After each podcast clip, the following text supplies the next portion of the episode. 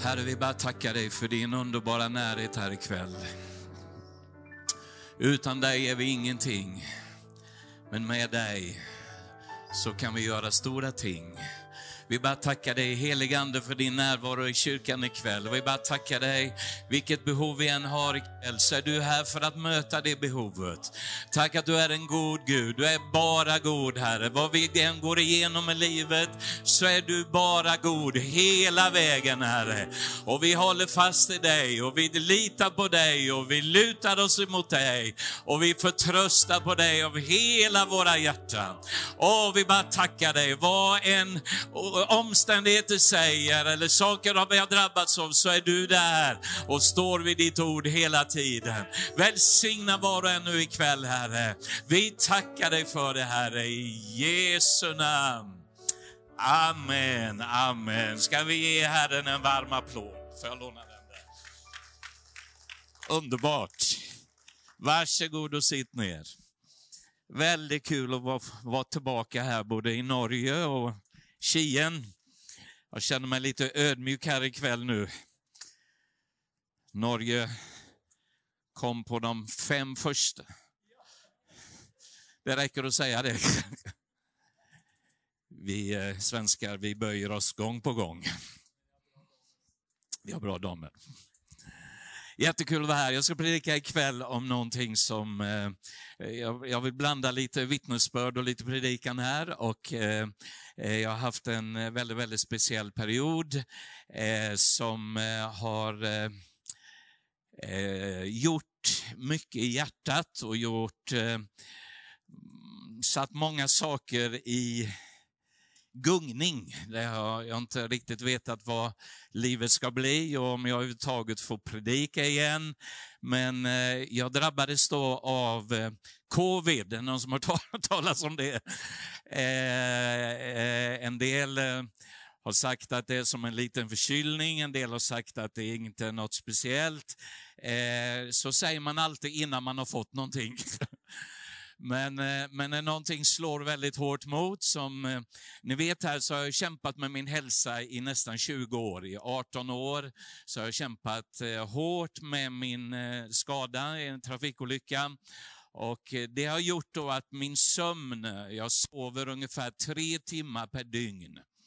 Eh, och trots mediciner så vill inte kroppen komma i sömn. Och ehm, då när coviden kom så var jag väldigt, väldigt nedsatt i krafterna och eh, det slog till med full kraft. Eh, jag landade i Nepal och skulle vara där och jobba några veckor. Och när jag skulle lyfta, lyfta av bagaget ifrån bandet på flygplatsen så var armen som gummi. Det fanns liksom ingen kraft kvar. Eh, och, och, min fru hon, hon tog av väskan och sa, vad är det som händer? Jag får ingen luft. Jag får ingen luft. Och det var väldigt, väldigt obehagligt. Och, eh, jag skulle gå upp för en liten trappa. Jag tog två steg och så står jag bara hämta andan och hämta andan. Och eh, det här blev inte bättre, men till slut så kom jag hem till Sverige. Men då kom ambulansen och hämtade mig väldigt, väldigt snabbt och eh, då gick allt ut för pang så här bara. Eh, så eh, jag tappade då 60 procent av mina lungor. Och är man predikant så är inte det bra. Och är du inte predikant så är det inte bra heller. Eh, lungorna har en otrolig funktion i hela systemet och det blir bara sämre och det blir bara sämre. Och att ligga då på en avdelning där människor ligger och dör framför dina ögon, det är väldigt, väldigt speciellt. Eh, och, och efter tre nätter så hade jag min grumskamrat där då ramlade han ihop, en man i 30-årsåldern, och bara kollapsade lungorna. Och, och, Den natten fick jag hjälpa honom och, och han låg på toalettgolvet inne på psykrummet och, och låg så nära döden. Eh, men, men de lyckades rädda honom och den andra kvällen så var det han som räddade mig. Då, då, då tog det helt slut och eh, Läkarna sa det är fyra minuter ifrån döden. Så var kampen och eh, Jag bara sa till min, till eh, min vän där då, jag sa du, kan jag få min telefon? Eh, för jag måste skriva och tacka min fru för alla år, men nu dör jag. Så han hjälpte mig att skriva ett sms och jag låg och då vispade, eh, viskade, hade ingen kraft alls. Och så skrev jag till min fru att nu den här matchen klarar inte jag. Tack för alla år, hälsa barnen. Nu dör jag. Och eh, sen svimmade jag bort och var borta under lång, lång tid, många timmar och många dagar. Och de kämpade och kämpade. Och det sista jag visste, eller när jag vaknade igen så visste jag, är jag i himlen eller är jag... Och då sitter en kvinna och håller mig i handen. Och jag tänkte, vad är detta? Hur har detta gått till? Hur länge har jag varit borta? Och så vidare, och så vidare. Och jag, jag var helt borta. Och så, ehm, så, så sa hon, jag är psykolog. Vi har kämpat och kämpat och kämpat. Du har klarat det. Du har klarat det. Och, och, och så sa hon, nu är vi igenom det värsta här och, och så tog det bara några veckor till så fick jag en lunginflammation till och jag hade fem lunginflammationer. Och det bara tog det ena efter det andra. Och jag kan säga här idag, jag har varit uträknad. Jag har varit borträknad, jag har varit utslagen, jag har varit nedslagen. Eh, och alla har sagt att det går inte att predika mera. Men jag har fått en chans till. En chans till.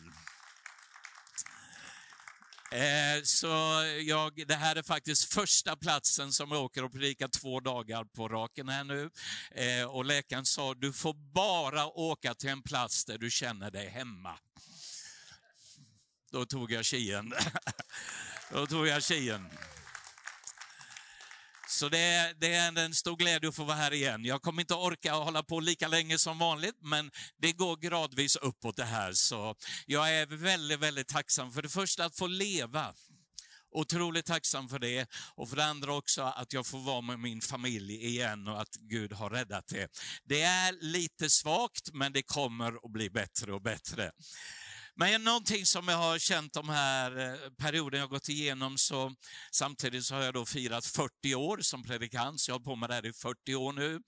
Och eh, då eh, tänker man tillbaka lite grann och man kommer ihåg segrar och man kommer ihåg tuffare dagar också. Men jag har haft mycket tid att tänka och bedja. Och jag har haft mycket tid att gråta. Eh, jag bara, det, det gråter och det gråter och det gråter. Jag frågar min läkare, när tar tårarna slut? Det bestämmer tårarna, sa han. Det bestämmer tårarna. Men det har varit mycket kamp och det har varit väldigt kamp och jag har för ett år sedan så sa de, kommer aldrig någonsin mer att kunna predika. Och, och, och, jag låg och det var ett sånt hårt slag emot mig, det var ett sånt tufft besked. Och så låg jag hemma och jag grät på nätterna, jag var vaken på nätterna. Så sa Gud, och så hörde jag en röst som sa, Mikael, älskar du mig lika mycket om du aldrig får predika igen? För vet du vad vår identitet är? Inte i det vi gör, utan vilka vi är i honom en otrolig nyckel. Det är inte vad vi gör, vet du. Och ibland vi kan vi kan vara tuffa och berätta häftiga historier, men allting handlar om honom. Det är i honom som kraften sitter. Det är där hemligheten är. Och vet du vad jag sa den natten? Jag sa Jesus, det här måste jag få tänka på. Jag vet inte, jag, det hamnade i en kamp och det hamnade i ett beslut. Efter tre veckor så sa jag till Jesus, jag älskar dig lika mycket. Även om jag aldrig får säga ett ord om det igen, så är inte det jag har min trygghet i. Det är dig. Det är dig. Och ta med det i livet, det är honom allting är. Och det är honom vi behöver. Men så jag har tänkt på vilka personer man har mött genom de här 40 åren. Och det är många härliga människor, inte minst i Norge. Och sen i många, många, över 60 länder nu som man har fått vara med och tala under de här åren. Men de starkaste minnena jag kommit fram till, det är människor som är förkrossade och ödmjuka. De har gjort det största intrycket i mitt liv och jag hoppas att min predikan idag kan, kan betyda någonting för det här. Men det står mycket, mycket om det här i Bibeln, om att ha en, vad heter det på något, sönderknust ande? Att man har en förkrossad ande, man har en ödmjuk ande. Och, och, och, jag träffade en kvinna här nu, jag vet inte om ni vet vem hon är, hon heter Elise Lindqvist. Hon jobbar då med prostituerade i Stockholm. Och hon blev frälst när hon var 54-55 år gammal. Hon har varit då prostituerad sedan tonåren till 50, över 50 år. Och, och, så många män har fördärvat denna kvinna och alltihopa. Och så går hon och blir frälst. Och hon är så frälst denna kvinna. Hon är 87 år nu. Och, och, och, vi var på en fest tillsammans här nyligen och så, så kom hon och så satt hon, så, hon är liten och en kort kvinna så här och brinnande ögon. Så man nästan blev rädd för henne. Så satte hon sig nära mig och så tittade hon mig i ögonen så sa hon, Mikael, det är mycket kvar att göra för Gud. Det är mycket kvar att göra för Gud. Och, och, så sa hon, jag är 87 nu och jag, jag är lite svagare nu och så vidare i kroppen. Men, men, men jag har en kamrat, sa hon. Hon ringde och uppmuntrade mig häromdagen. Och så sa vad sa hon då? Hon sa, Elise, nu trycker du på rejält de sista åren. 87 år. Och så kom hon ändå närmare och till slut var det nästan, jag tänkte nu pussar hon mig snart på kinden här alltså. Och så sa hon, vi ska satsa allt. Så jag frågade med kompisen, är det en ung eller en gammal? Ja, sa hon, hon är 104 hon som ringde. Hon är 104, hon har precis fått ett Instagramkonto, hon har precis börjat skriva på en blogg och, och, och allt det här vad unga människor gör. 104 år! Och så sa hon, du har mycket kvar i livet Elisa. Vilka dimensioner!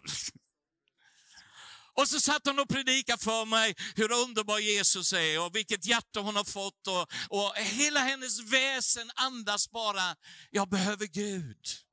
Jag behöver Gud.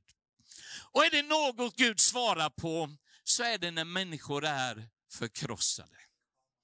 Är det något som rör vid Guds hjärta så är det när vi människor är förkrossade och när vi är ödmjuka och när vi böjer våra knän och bara säger Jesus, rör vid mig på nytt igen.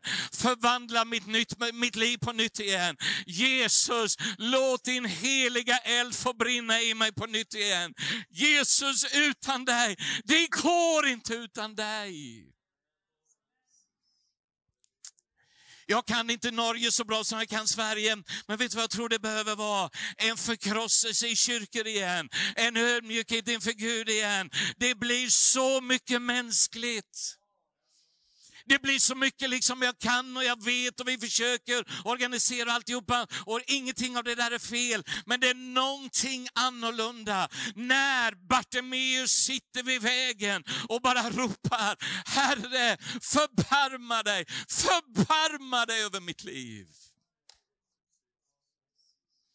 Ingenting att slå sig för bröstet, ingenting liksom Jesus, stanna här, utan det var bara förbarma dig. All väckelse, vad vi kallar vad det heter, jag kan inte alla uttryck, men vet du vad det är? Allting, det börjar alltid med en uppgivenhet. Jag klarar inte det här själv. Jag behöver dig in i mitt liv. Jag behöver din hjärta, jag behöver ditt förvandlande kraft. Jesus, jag behöver dig. Och som sången vi sjöng här, Jesus, jag behöver dig. Det står i Jesaja i, vers, i kapitel 66. Jag skådar ner, säger Gud, till den som är betryckt och har en förkrossad ande. Det är på något sätt som Gud bara sätter sin lampa på och så säger han det här, jag skådar ner och när jag ser det här så är det någonting som rörs i Guds hjärta. Och det är inte, lyssna, det är inte hur häftiga vi är och vilka häftiga grejer vi varit med om, utan det är det förkrossade. Det är sönderknusna, det är betryckta och inte negativt nu, utan det är något som bara ligger över mig. Gud rör vid mig. Jesaja säger så här, ty så säger den höge och upphöjde, han som tronar till evig tid och heter den helige. Han är en helig Gud. Han är helig. Det går inte att smutsa ner honom. Det är liksom, han, han, han, är helig, det är rent, det är vackert. Det är någonting som behöver synas i hela västvärlden idag. Så säger han, jag bor i helighet uppe i höjden. Men jag bor också hos den som har en sönderknust ande. Åh, Tänk om vi kunde få ha det där, och jag vet att ni har det här, men om vi kan påminnas om de här sakerna lite gång på gång. Du vet, det sitter inte, och jag har blivit så avskalad alltihopa. För när man är i en position där man känner, jag kan inte göra någonting längre. Jag kan inte göra någonting. Eh, eh, jag, min fru hon frågar ibland, hur, hur går det? Och jag ligger på nätterna, jag gråter igenom nätterna. Men det är inte längre av förtvivlan. Utan nu är det på ett helt annat sätt. Nu är det bara någonting, åh Gud rör vid mig här nu. Jag fattar inte varför jag inte får sova. Jag förstår inte alla de här grejerna. Jag bryr mig inte om, jag har inte tid med det längre. Men någonting, jag har en längtan. Och det är bara Gud, rör vid mitt liv alltså. Rör vid mitt liv. Ta bort det som inte ska vara där. Rensa bort det Herre. Jag vill vandra i din helighet. Jag vill leva mitt liv inför dig. Även om jag inte gör något för dig så vill jag leva mitt liv för dig. Det där börjar. Och så säger han så här, ty jag vill ge liv åt de ödmjukas ande. Vi är liv.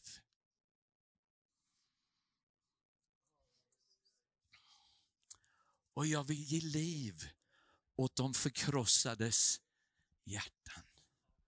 Ja, vi ger liv. Jag vet att Arvid kommer hit imorgon.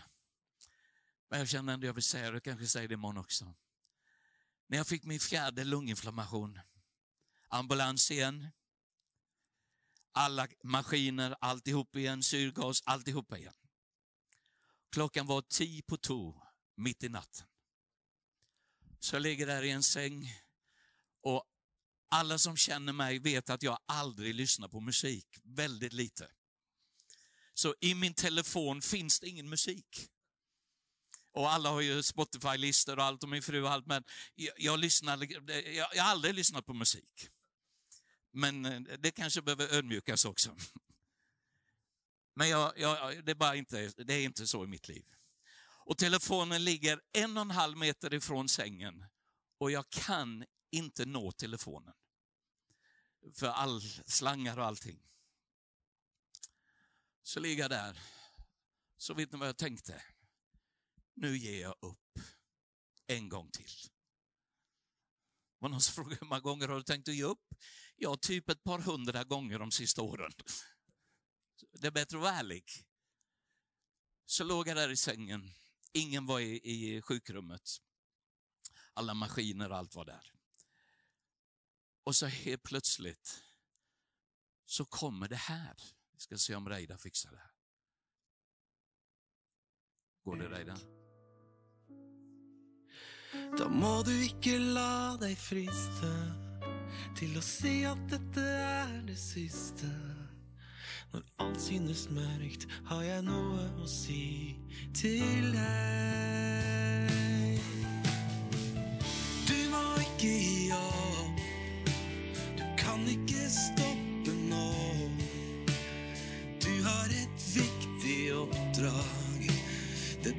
Beste ligger foran deg. Løpet er ikke over, slutten har ikke kommet. Den sången. Norge var där. Och jag, jag säger, jag når det inte, jag fattar inte vad som händer. så går den här låten. Du må icke ge upp. Vet du vad jag gjorde? Jag bara låg och grät. Jag bara låg och grät. Så öppnar sig dörren så kommer en, en eh, sjuksyster in. Och hon stannar och så säger hon exakt så här. Vad är det som händer i rummet? Och Arvid sjöng. Hon sa, det är något i rummet. Och jag ligger och jag, jag, jag fattar ingenting. Min telefon bara spelar. Jag har inte, Arvid finns inte i min telefon.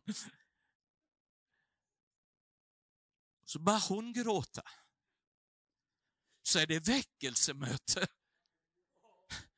Mitt i kanske en av de värsta nätterna. Det är märkligt. Vet du. Så hon bara gråter, så sa jag, gråter du? Det här behövde jag höra, sa hon. Tänk vad Norge välsignar Sverige hela tiden. Så sa jag, och jag låg där och bara viskade, inga kraft. Så sa vad, vad är det för problem? Vad har du för problem? Relationsproblem, sa hon. Det är stor nöd nu. Så tog låten slut. Hon står och gråter. Jag ligger och gråter. Och det är som himlen är där inne.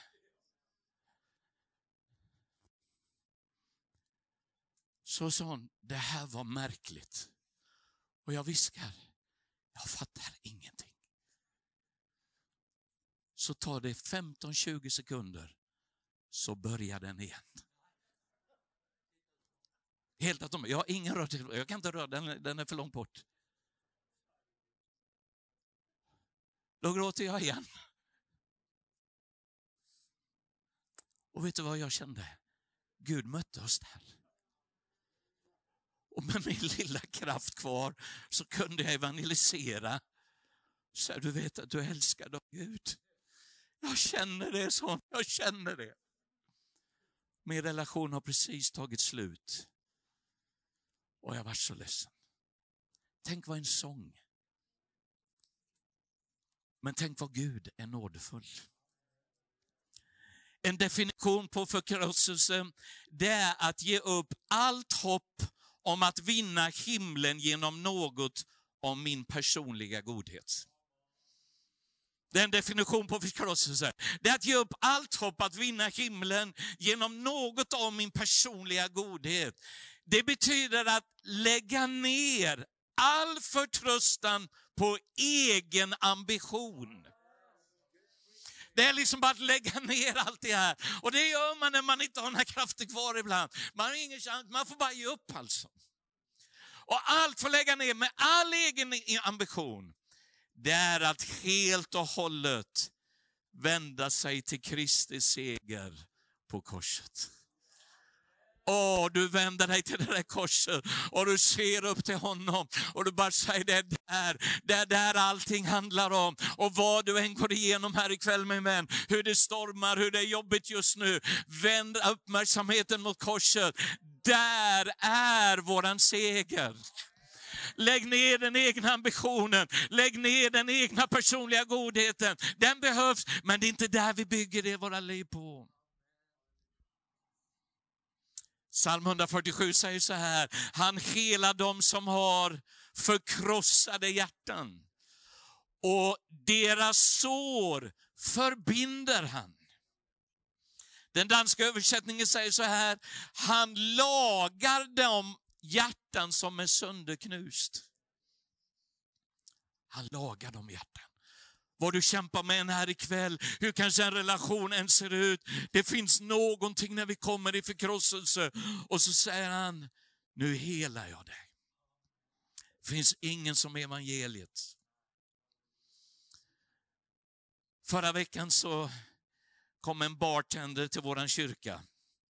Han jobbar på pub och han blandar drinkar och har gjort så i många år. Förlåt, för två veckor sedan kom han. Han, aldrig, han gillar inte kyrkan. Och han har inte gillat Jesus alls. Hans pappa lämnade honom när han var två år. Han har hatat sin pappa i alla år. Så kom han till kyrkan och någonting började hända, så ringde han mig. Kan du komma hem till mig? Jajamensan, sa jag, jag kommer med glädje. Ingen aning, kände honom ingenting. Så åkte jag hem till denna kille, så sa han, det är som att någonting börjar hända här inne. Jag fattar inte vad det är, men jag börjar att tröttna på mig själv. Så vi började samtala lite grann om Gud och så sa jag, har du bett någon gång? Jag har aldrig bett en bön, sa han. Vad säger du om att testa en bön? Och så sa han, om du hjälper mig så är jag öppen. Så då sa jag, vi hjälper varandra här lite nu och jag stavade lite före. Och så knäppte sig denna kille, en riktigt vältränad kille. Idrott är hela hans grej och blanda groggar är hans andra grej. Nybyggt hus, familj och alltihopa. Men allt hade börjat gå sönder. Allt hade börjat gå sönder. Och så knäpper han sina händer där. Jag tyckte det såg så fint ut. Jättemuskulös kille. Knäppte han händerna. Så sa vi Gud, han sa Gud. Så började vi läsa en bön. Så sa jag, be den här bönen varje dag. Ska du få se vad som händer. Så fick jag ett sms här nu. Så skrev han Mikael, den där bönen, det var grejer. Det var grejer.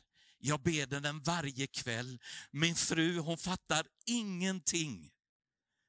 Men hon är glad. Så knäpper jag mina händer, så tackar jag för dagen och så ber jag att jag ska ha ett mjukt hjärta. Det vi talar om. Jag ska vara ett mjukt hjärta och att jag ska bli en mjuk människa. Han är rätt så tuff den här killen. Och, och, och så, så skriver han lite mera. Han sa, jag fattar inte vad det är som händer i mig, men det är som att han börjar komma nu. Vad är det han bor? Ett mjukt hjärta ett förkrossat hjärta. Och, och nu, nu kom han till kyrkan i söndags igen och så, så, så fortsätter resan. Men så skrev han längst ner på sitt textmeddelande, så skrev han, tack att du lärde mig bedja. Som en liten söndagsskolpojk. Och när du ser den så är det ingen, det är ingen söndagsskolpojk det där. Men vet du vad det är? Han lagar människors hjärtan när vi är förkrossade. Orkar ni några minuter till? Kung David, vad är David ett exempel på? Han hade ett mjukt hjärta som ständigt längtade efter Gud. Han hade ett hjärta som, det, det, vad är det han ropar, som hjorten längtar efter vatten. Så längtar min själ efter dig, och Gud. Han var ute med fåren, han skrev Herren är min herde. Han var där, hjärtat var mjukt, han tog hand om sina arbetsuppgifter. Men sen var han inför Gud, sökte Gud, sjöng till Gud, levde med Gud. Men hjärtat var mjukt. David tog allt med Gud. Nöd som seger. Vet du vad det är? I segrarna är det lätt att glömma vem det är som, som gav segern. Och då kan man bli lite, ja, jag kan och jag vet och så vidare. Men om hjärtat hela tiden går tillbaka och säger Gud, jag söker ditt ansikte. Det är bara du, jag bara tackar dig. Jag är ingenting speciellt, jag kan inte det här. Men det är du Herre, jag vänder uppmärksamheten mot dig. Det är inte min ambition, det är din ära det här handlar om Herre. Och David han hade det här i framgångar och i motgångar och i svårigheter. Så bad han Gud om hjälp. Salmerna är enorma, hur han uttrycker sitt hjärta. Och så föll David i synd. Han bekände sin synd när Natan kom. Han använde sig ifrån sin synd. Och så beder han den här bönen. Skapa i mig Gud ett rent hjärta. Åh, oh, jag bara älskar det här. Bara skapa i mig Gud. Åh, oh, ja, ja, det är ingenting av det yttre som är viktigt för mig. Och han blir så överbevisad av profeten Nathan. Och Nathan bara säger, du är den mannen. Och David han bara slänger, skapa i mig Gud. Åh, oh, förlåt allt det här. Vet du vad Gud är? Han är snabb att förlåta när hjärtat är mjukt, när hjärtat är förkrossat. Vilka misstag vi än kan ha gjort. Han är snabb på arenan igen så säger han så här, ta inte din heliga ande ifrån mig.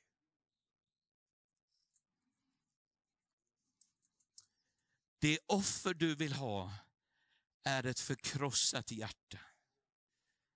En krossad och nedbruten människa förkastar du inte, och Gud. Tänk att Saul var ju Davids företrädare. Han hade samma möjligheter. Han gick åt ett annat håll. Hjärtat blev hårt, hjärtat blev kallt. Avundsjukan kom in och han önskade David död och elände. Och han dog olycklig. Men David var något helt annorlunda. Så ska snart sluta nu. Kan man vara runt Jesus och vara hård i hjärtat? Fariséerna var runt honom. Men de litade på sina egna grejer. Medan syndarna, de var förkrossade. Det kom en liten jänta till mig nu, nu vi hjälper ju flickorna borta i Nepal och Indien. Och för en tid sedan, eh, nu innan jag blev sjuk, så kom den här flickan till mig, hon var åtta år. Pigg och glad. Och så sa hon, Mikael, kan jag få ett privat samtal med dig? På sin lilla enkla engelska där. Ja, så jag, vi kan sitta här eh, vi, vi, med alla de andra, kan vi sätta oss lite, men vi får aldrig vara ensamma, utan vi fick sitta med de andra där. Så sitter hon sig på trappen och så säger hon, jag har något väldigt viktigt att tala med dig om. Och det är mitt långa liv. Åtta år. Och jag kände bara, lyssna bara, säg inget, bara lyssna så började hon förklara. Mamma blev såld av mormor till en bordell. För 350 kronor tror jag det var. Mamma försvann, jag var hos mormor. Efter några veckor kom mamma tillbaka. Så sa hon, du ska bo med mig. Jag kom till en bordell, jag visste inte vad en bordell var, sa hon. Jag var bara fyra år gammal. Och den ena mannen efter den andra kom till mamma. Och jag trodde att det var pappa som kom varje gång. Men efter några dagar tänkte hon, jag kan inte ha så här många papper. Det är något som inte stämmer här. Då sa mamma, du måste vakta dörren. Så såg denna flicka hur mamma blev våldtagen. Fem till tolv gånger varje dag. Flickan såg var fyra, fem år gammal. Och så säger hon så här, Mikael, jag stod på tur och skulle bli såld när jag är 10-11 år. Så de börjar förbereda mig och de ger hästhormoner. Och, ja, det är så sjukt där så ni kan inte fatta. Det är helt sjukt. Så de bara förbereda mig men så kom ni och räddade mitt liv. Och eh, vår personal där. Så sa Mikael, eh, jag vill bara säga att jag älskar Jesus. Så tog hon fram sin eh, anteckningsbok. Så såg jag att det var, liksom, det var som det var vatten på sidorna som hade torkat. Och bläcket hade suddats ut. Så sa vad är det du skriver? Jag gråter när jag skriver, sa hon. Och jag bara tackar Gud att jag har fått en chans att leva. Vet du vad den flickan var? Hon var helt sönderknust. Det var så mjukt. Jag sitter och biter mig i kinden här bara för att jag inte ska börja gråta. Men det grät, tårarna bara rann på insidan. Jag bara grät på hjärtat. Så sitter hon i 20 minuter så säger hon, ni slutar väl inte att hjälpa? Jag lovar, vi ska göra allt vi kan.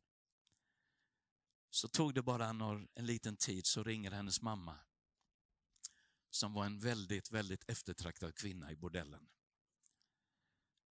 så säger hon, jag dör när som helst. Kan ni ta mina andra barn? Och klockan var två på natten. Och min fru tog telefonen och sa, Mikael kan vi ta några till? Så sa vi tar barnen. Tio minuter senare så dog mamman. Hon bara dog i taxin på väg till sjukhuset. Och när hon kom till sjukhuset tog de inte emot henne, för hon var ju oren. Så hon dog i taxin, precis utanför porten. Den här lilla flickan, när hon satt och berättade så Shabashat, när hon var klar så sa hon, tack att du lyssnade. Sprang hon och lekte. Då vet du, rann allt. Vet du vad jag kände? Nej, jag vill bara vara med Jesus en stund nu. Fariséerna var hårda, men alla var inte hårda. Jag vill bara avsluta här med när Jesus bröt, när den här pojken kom med sin lunchkorg. Det var fem bröd och två fiskar. Och då står det att Jesus han, han höll upp brödet och fiskarna, så välsignade han det. Han välsignade. Men lyssna, undret skedde inte där. Vet du när undret skedde? När brödet blev brutet. Och man bara delade ut. Då förmerades brödet. Men det var när det blev sönderbrutet som välsignelsen kom. Kan vi säga ett litet amen här idag? Det var när det här, det bröt sönder och det liksom delades ut och förmerade. För det finns någonting när det är sönderbrutet som himlen säger, nu kan jag lita på det här, nu kan jag använda det här kärlet, nu kan jag förmera undrena, nu kan vi gå vidare. Men det måste bli sönderbrutet måste bli sönderbrutet. Det är någonting som måste hända i mitt hjärta. Och det är bara, det behöver, ni förstår mig rätt, det är ingen negativ mening det här, utan det är positivt. Men det är när det här sönderbrutna kommer, då är det som himlen säger, nu gör jag undret. För nu drar inte den här personen till sig själv längre, utan nu är den här personen sönderknust inför mig. Och då är det en som kommer få äran och det är Gud i himmelen som kommer bli upphöjd. Ska vi bara resa oss upp på våra fötter ett ögonblick här just nu. Det är då undret sker. När det bröts. När det bröts. Ska vi bara lyfta våra händer så får jag andas en minut här. Åh Jesus. Vi tackar dig Herre. Vi tackar dig Jesus. Tack att när vi är mjuka, tack att när våra hjärtan är sönderknusta, tack dig när våra hjärtan är ödmjuka. Vi tackar dig Herre när vi inte tar någonting åt vår egen, utan vi vill ge alltihopa till dig. Och vi bara tackar dig för den tiden vi lever i just nu. Vi bara ber vi bara ber Herre. Bara rör vid våra hjärtan Fader. Rör vid våra hjärtan och låt dem vara i sanning i brand för dig Herre. I Jesu namn. Åh, vi bara tackar dig. Ska vi bara ta pianot lite här och så bara vi står inför Jesus ett ögonblick här ikväll. Åh, det är när det där mjuka skedde. Det var när alabasterflaskan bröts som den kom till välsignelse. Det var när flaskan bröts och oljan eller krämen kunde välsigna. Åh, vi bara tackar dig Fader. Tackar dig Jesus. Ska vi bara vara inför Jesus ett ögonblick här? Och vi bara tackar dig Jesus.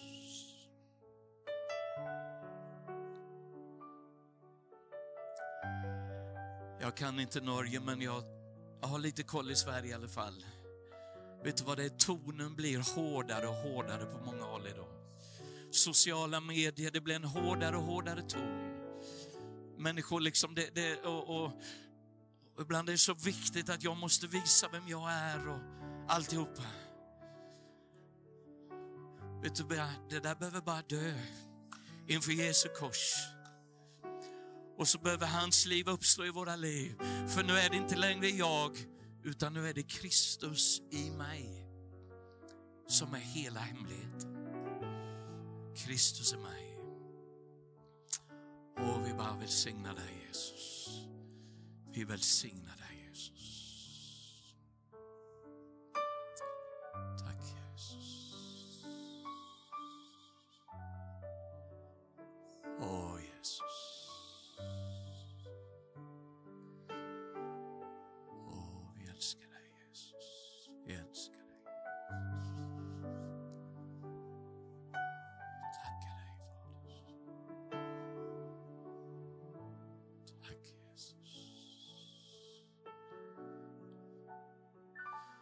Paulus han sa, jag lider döden varje dag. För att i min svaghet så kommer Guds styrka. I min svaghet kommer Guds styrka. Åh Jesus, vi bara tackar dig. Paulus sa, jag lämnar allt åt sidan bara för att lära känna honom mer. Filipperbrevet. Jag lägger allt annat åt sidan. Jag vill bara ha Jesus, jag vill bara ha Jesus. Åh, vi bara tackar dig Jesus. Tackar dig Jesus. Tack Jesus. Kanske du är här ikväll och bara säger, Åh Jesus, jag, jag ger dig allt igen. I surrender, jag ger allt igen Jesus. Ibland det farligaste som kan ske för en predikant ibland det är framgången. Det är så lätt att man kan glömma vem som ger den. Så får vi gå tillbaka igen, så böja våra hjärtan och bara så, Jesus jag vill bara ha dig. Jag vill bara ha dig. Jag älskar dig, även om jag aldrig får predika igen, så älskar jag dig lika mycket. Det tog tre veckor för mig att svara ärligt på den frågan. Så kom den under nattens timme. Jag älskar dig Jesus. Älskar dig Jesus. Åh, vi bara tackar dig. Ska vi bara sträcka våra händer mot slutet här nu? Bara älska honom. Åh, låt honom komma och fylla. Låt honom komma och beröra på nytt igen. Åh, jag bara tackar dig Herre för din underbara närvaro i hela kyrkan just nu. Tack att du rör. Tack att du rör i våra hjärtan Fader. Bara välsigna just nu. Kanske sångerna kan komma upp och vi bara prisar Herren ett ögonblick här. Och jag bara välsignar min syster just nu. Tack för kraften av din ande. Tack för kraften av din ande. Jesus, välsigna min dyra broder. Åh, jag bara tackar dig Herre. I svagheten fullkomna styrkan. Åh, vi bara tackar dig. Tack att vi får vända oss till dig. Välsigna